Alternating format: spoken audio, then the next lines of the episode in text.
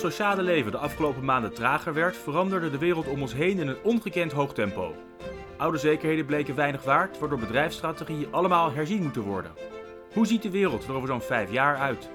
Nooit eerder was die vraag zo moeilijk te beantwoorden als nu. Toch gaat Houthof op zoek naar het antwoord. Wij doen dat door in gesprek te gaan met onze eigen advocaten en met businessleaders uit de top van het bedrijfsleven. Ieder gaat vanuit zijn of haar eigen expertise de strijd aan met de nabije toekomst. Mijn naam is Dave Cohen en welkom bij de Houthof podcastserie Catch 2020 met vandaag Inge Huibrechts, Global Senior Vice President Responsible Business and Safety and Security bij de Radisson Hotelgroep. Dank Inge voor uh, de gastvrijheid. We zijn nu in Brussel op het Europees hoofd, of nee, het EMEA hoofdkantoor uh, van de Radisson Hotelgroep. En wij praten met mondkapjes voor, waarvan ik hoop dat de luisteraar daar niets van merkt een, uh, een hele mond vol, Global Senior Vice President en dan alle business units daarachter. Maar wat betekent dat precies in praktijk? Ja, dankjewel Dave. Het is heel fijn om uh, aan de podcast deel te nemen. Dus in mijn rol als Global Senior Vice President Safety and Security and Sustainability zet ik de strategie en krijtlijnen uit voor onze 1400 hotels in 120 uh, landen. Um, en daarbij kijk ik natuurlijk ook naar hoe de hotels die strategie dan implementeren. Dus we meten ook wat ze doen ten opzichte van onze strategische doelstellingen. En als we het dan over die veiligheid hebben, dan stel ik me zo voor dat dat tot een paar maanden terug ging over brandveiligheid en dat soort zaken. Niet uh, pandemieën van virussen. In een uh, wereldwijde hotelgroep moet je op alles voorbereid zijn, maar dit hadden we echt niet uh, zien aankomen. En wat is dan de impact op jouw rol? Ik neem aan dat jij heel veel reisde om al, al, al, die implementaties maar te checken. Nou, dat is in ieder geval denk ik stil komen te vallen. Dat klopt, ja. Mijn agenda stond eigenlijk vanaf uh, zowat eind februari vol met allerlei trips en conferenties en vergaderingen. Dat is natuurlijk allemaal niet doorgegaan. Ik herinner me nog zeer goed dat uh, ik op een conferentie was, onze jaarlijkse conferentie in Vegas voor al onze Amerikaanse hotels. Uh, laatste week van februari en dat was exact dezelfde week toen we onze eerste besmette gast in Europa in een van onze hotels hadden. En toen is het allemaal heel snel gegaan. Ja, sinds die tijd is de koffer eh, thuis gebleven. De koffer is thuis gebleven en de focus is 100% op deze pandemie gegaan. Ja, en wat betekent dat voor jouw rol dan? Want niet meer reizen betekent ook minder contact, maar ja, als je verantwoordelijk bent voor voor de veiligheid. En die veiligheid komt, of de onveiligheid zo je wil, komt ineens uit een hele onverwachte hoek. Dan moet je iets, maar je weet niet wat. Uh, het is allemaal heel snel gegaan en we moesten natuurlijk uh, zeer snel in een soort crisismodus gaan. Ik denk dat vele bedrijven dat ook gedaan hebben. Nu, gelukkig hadden wij, uh, en hebben wij dat sinds vele jaren, een goed programma om onze crisisprocessen te oefenen. Dus we weten perfect wie erbij betrokken is, we weten perfect hoe we dat moeten aanpakken. Dus qua processen hadden we dat eigenlijk heel snel op de rails, omdat we dat oefenen en kennen. Uit welk scenario put je dan? Want dat gaat dan ja, over. daar wou ik toe komen. De inhoud was natuurlijk volledig nieuw. En we leerden as we, as we went.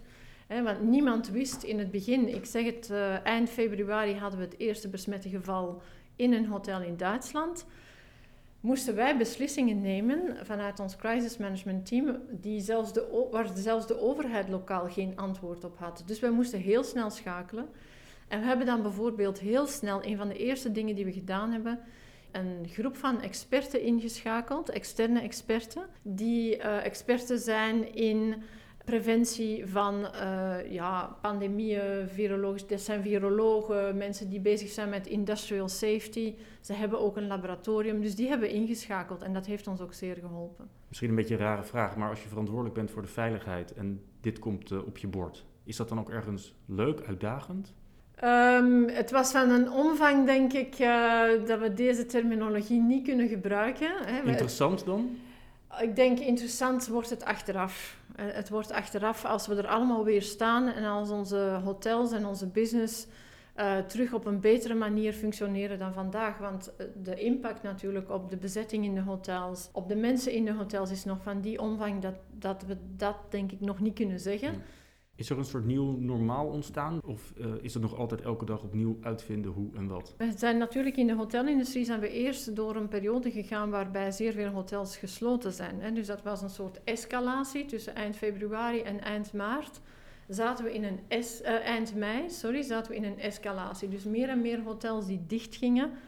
vanwege de national lockdowns en dergelijke. Dan zijn we in een heropeningsstrategie gekomen. Dus dat was het tweede gedeelte van de definitie van alles wat we moesten vastleggen. En dat hebben wij bij Radisson denk ik succesvol gedaan. Dus die heropeningsstrategie die loopt nog steeds, maar die hebben we op uh, de rails gezet ongeveer tot eind juni nu. We moeten op dit moment natuurlijk zeer sterk voorbereid bereid zijn op de tweede golf, hè, die we in Europa en in andere plaatsen ook zien. En dat zou betekenen dat we weer vooral allemaal vanuit huis gaan werken. En over dat thuiswerken en de veiligheid op de werkplek sprak ik eerder met Huib Lebbing, advocaat-partner van Houthof. En hij is gespecialiseerd, net als jij, in Health, Safety en Environment. En hij heeft een vraag aan jou. Beste Inge, ik ben ontzettend benieuwd wat je hebt gedaan om jouw werknemers, die het in de leisure-industrie best lastig zullen hebben gehad de afgelopen tijd, wat je hebt gedaan om die happy en gezond te houden. We hebben eigenlijk het contact behouden met al deze werknemers, die dan ook nog eens thuis begonnen te werken, op een, zeer, een aantal zeer originele manieren. Enerzijds hebben we een aantal informatiemomenten georganiseerd met de leiders van het bedrijf. Dus ongeveer op maandelijkse basis is er eigenlijk een inzicht dat wij geven in de strategie. Wat is er gaande? En dat kan ook met QA aan het eind. Dus dan zijn we echt aan het spreken over sessies met meer dan duizend deelnemers. Onze HR-afdeling, dus de Learning and Development afdeling, die stuurt ook twee wekelijks een nieuwsbrief rond met allerlei learning vitamins, dus leermomenten, extra cursussen die de mensen kunnen volgen om toch die connectie te houden. En dan als laatste doen we aan digitaal informeel netwerken, zou ik maar zeggen. Door, de digitale uh, borrel. De digitale koffie. Wij doen de koffie. Je zou misschien bij de Belgen iets anders verwachten, maar wij doen de virtuele koffiemomenten. Eerder bespraken, een hele leerzame periode waar we in zitten. Maar het is ook een moment om je te ontwikkelen, want de business gaat anders kapot. Hoe gaat het bij jullie? Wat doen jullie allemaal? Dus tijdens, uh, zal zeggen, de, de, het hoogtepunt van de pandemie hadden wij al extra uh, business in bepaalde locaties door uh, bijvoorbeeld mensen op te nemen in quarantaine, quarantaine business. Die hebben we nog steeds in bepaalde landen. En in bepaalde gevallen hebben we zelfs uh, zijn we zelfs eigenlijk een soort extra capaciteit geworden voor hospitalen, voor mensen met lichte symptomen. Is dat in alle landen ongeveer? Uh, nee, dat is uh, eigenlijk voornamelijk in het Midden-Oosten gebeurd. Ook wat je gezien hebt is het opvangen, en dat was dan vooral in de Verenigde Staten, het opvangen van eerste lijnswerkers, die dus naar bepaalde steden werden gevraagd om, om te komen. En wij hebben die dan opgevangen in de hotels.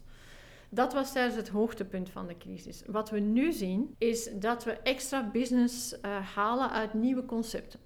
Het nieuwe concept kan bijvoorbeeld zijn dat je het hotel met al zijn diensten en ook de food and beverage aanbiedt als office locatie. Dus dat gebeurt dat mensen eigenlijk in ofwel de lobby of het hotel uh, of in de kamer zelf als hun home office of een office beginnen te bekijken. Dus dat bieden we aan. Wat ook gebeurt is dat deze setup uh, gebruikt wordt voor callcenters bijvoorbeeld. Dat zien we in Zuid-Afrika. Dat dus callcenters in de hotels komen werken. En een laatste element wat we ook zien uh, is het concept van de serviced apartments. Dus voor de langere verblijven met iets minder omkadering als in een hotel, maar wel toch bepaalde hotelgerelateerde services voor lange. En we hadden dat eigenlijk in het Midden-Oosten, maar we zien dat nu ook meer en meer komen in wat wij de mature markets noemen, zeg maar Europa. Dat is een hele andere manier van werken. Was de, de flexibiliteit van de organisatie daar meteen klaar voor? Maar vooral, is dit iets wat jullie willen laten voortbestaan? Ik denk dat flexibiliteit een van de grote lessen is die we uit dit jaar kunnen leren. We moesten heel snel schakelen en dat hebben we ook wel gedaan. Ik denk dat sowieso, we zijn nog niet aan het einde van de nieuwe concepten, de veranderingen die er moeten gebeuren. Er zal nog meer moeten gebeuren in de toekomst en verandering is echt de essentie. Er zullen zeker concepten blijven, maar er moeten er nog nieuwe bij komen. En daar zijn nu nieuwe groepen mensen binnen het kantoor, binnen het bedrijf mee aan het werk? Of is dat iets dat de werkvloer moet ontstaan? Nee, dat wordt, uh, het wordt gekeken uiteraard naar de omgeving. Wat gebeurt er in andere sectoren? Wat zijn de goede ideeën die vanuit de werkvloer komen? Maar we hebben effectief groepen hier uh, op hoofdkantoor die daarmee bezig zijn. Onder andere bijvoorbeeld een groep waar ik mee in de leiding zit, die kijkt naar innovatie in de manier waarop we de diensten aanbieden, maar ook in de, de health and safety aspecten, dus de veiligheidsaspecten met deze pandemie. En wat leer je daar zelf van? Hoeveel beter word je als Global Senior Vice President Responsible Business and Safety and Security? Nou, mijn motto is dat je elke dag leert. En ja, dat maar dat was, voor ik die, echt. dat was voor de pandemie ook. Dat was voor de pandemie ook. De ja. leercurve is wat steiler. De leercurve is steiler en ze, en ze laten ook toe, denk ik, om op andere dingen te focussen. En we kijken nu veel meer naar innovatie. We kijken nu veel meer naar radicaal andere eh, manieren om de dingen te doen. De innovatie wordt versneld, de digitalisering wordt versneld. En dat is eigenlijk een verwezenlijking van deze pandemie. Als we dan over de rand van ons mondkapje heen kijken, de, toekomst in, pak een beetje een jaar of vijf. Wat is er dan met de hotelbranche gebeurd? Hoe ziet die er dan uit? Er gaan veel verschuivingen komen, waarschijnlijk ook een, een consolidatie van een aantal spelers, eh, noodgedwongen. Ehm, als we in de langere toekomst kijken, dan denk ik dat we geleerd hebben dat we zeker moeten voorbereid zijn op dit soort wereldwijde crisismomenten. Want ik denk zeker niet, als we kijken naar climate change en andere crisissen die zich aandienen, dat dit de laatste zal zijn. En het wordt steeds globaler. Ja, er ligt Dus- wel een draaiboek klaar, begrijp ik, dat Daar- COVID-20 heet. Of 21. Ja, we kunnen natuurlijk niks voorspellen, maar ik denk wel dat dat een van de dingen is waar we zeker rekening moeten houden. En dat is dan natuurlijk meer als bedrijf zelf. Hoe ben je sterk en eh, resilient? Als we kijken naar onze industrie, dan zal ehm, alles digitaler zijn. Dus met, met digitaal bedoel ik contactless. Dus echt wel de volledige ervaring die als men het wil, zonder contact met medewerkers kan zijn. Er komt volgens mij ook zeker virtual reality en, en het echte gebruik van artificial intelligence aan. Eh, het wordt persoonlijker, dat is eigenlijk een Ja, beetje een als- contrast, ja. maar het wordt persoonlijker. Dus dat betekent dat we die gegevens gaan gebruiken om de juiste service te geven aan de gast die bij ons is, dat we die gast ook beter kennen. En dat we kunnen anticiperen op wat die gast wil en dat die gast zich ook duidelijker kan uitdrukken in de details over zijn wensen of haar wensen. Kun je dat concreet maken? Normaal gesproken kom ik eh, logeren en ik kom eten en ik ga naar de spa en ik ga naar een congres. Dat was Ja. tot eh, februari van dit jaar. Dat deed ik zeg maar vanaf de website, keek ik wat ik graag wilde. En in Mhm. de toekomst, hoe ziet dat er dan uit? In de toekomst zullen er eh, in elk hotel personal assistants, dus devices zijn in de kamer die je personal assistant zijn.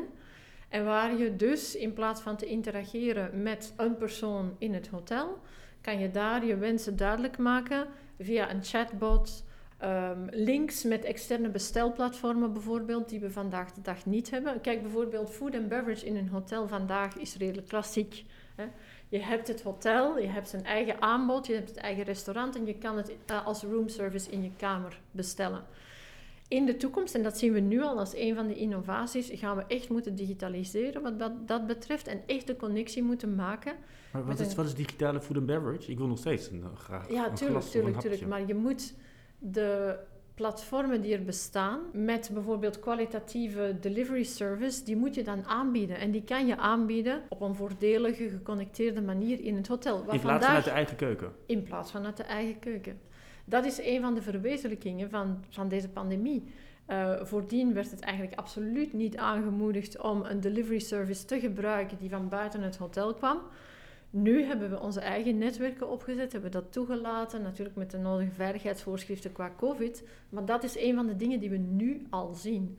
Dus de, de dienstverlening wordt persoonlijker en de hotels moeten ecologischer worden. Moeten nog veel meer ecologischer worden en zich inschrijven in bijvoorbeeld de Europese strategie eh, en de wereldwijde strategie om net zero carbon te zijn tegen 2050. Wat ook heel belangrijk wordt in de toekomst en nu al is, is het vertrouwen van de reiziger in het hotel waar hij of zij verblijft. En wij bij Radisson hebben daar een antwoord op gegeven om onze preventiestrategie te laten valideren door een externe partij, dat is SGS. En wij laten dit valideren voor elk van de 1400 hotels wereldwijd. Dat klinkt heel veilig. Maar je bent daarnaast, daarnaast ook altijd afhankelijk van lokale overheden. Natuurlijk moeten we altijd volgen wat de lokale overheid ons opdraagt om te doen, maar wij doen eigenlijk meer. En dat is wat we dan in onze eigen safety-protocollen hebben vastgelegd en wat we laten valideren door een derde partij. Vanuitgaande dat deze pandemie voorbij gaat, wordt de hotelbranche een veel mooiere en betere branche. Ze zal anders worden, denk ik. We moeten echt rekening houden met andere noden, meer uh, minder traditionele concepten. We hebben nu gezien bijvoorbeeld dat er veel staycations zijn, uh, waarbij mensen in hun eigen land op vakantie gaan. Als we kijken naar onderzoek van Euromonitor, ze hebben een onderzoek gedaan naar wat uh, de reizigers in de toekomst gaan verwachten. Uh, reizigers kiezen duidelijk voor duurzaamheid, veiligheid en uh, voor bedrijven die op een respectvolle manier omgaan met hun werknemers. Wat is nou jouw grootste advies om resilient te zijn, resilient te blijven en om mee te veranderen? Ik denk het grootste advies dat ik kan meegeven is verwacht dat inderdaad de volgende crisis eraan komt. Bereid je voor als bedrijf op dit soort crisissen. Weet welk team uh, een antwoord gaat bieden op deze crisissen en blijf kijken naar innovatie en digitalisering. Tot zover aflevering 2 van de Hout podcast serie Catch 2020. Inge Huibrechts, veel dank voor je openhartigheid en veel succes de komende tijd. In de volgende aflevering gaat het over de veranderende verhouding tussen werknemers en werkgevers, met daarin Edward de Bok, arbeidsrechtadvocaat en managing partner van Houthof. Vergeet u zich niet te abonneren op de Houthof podcast. Veel dank voor het luisteren.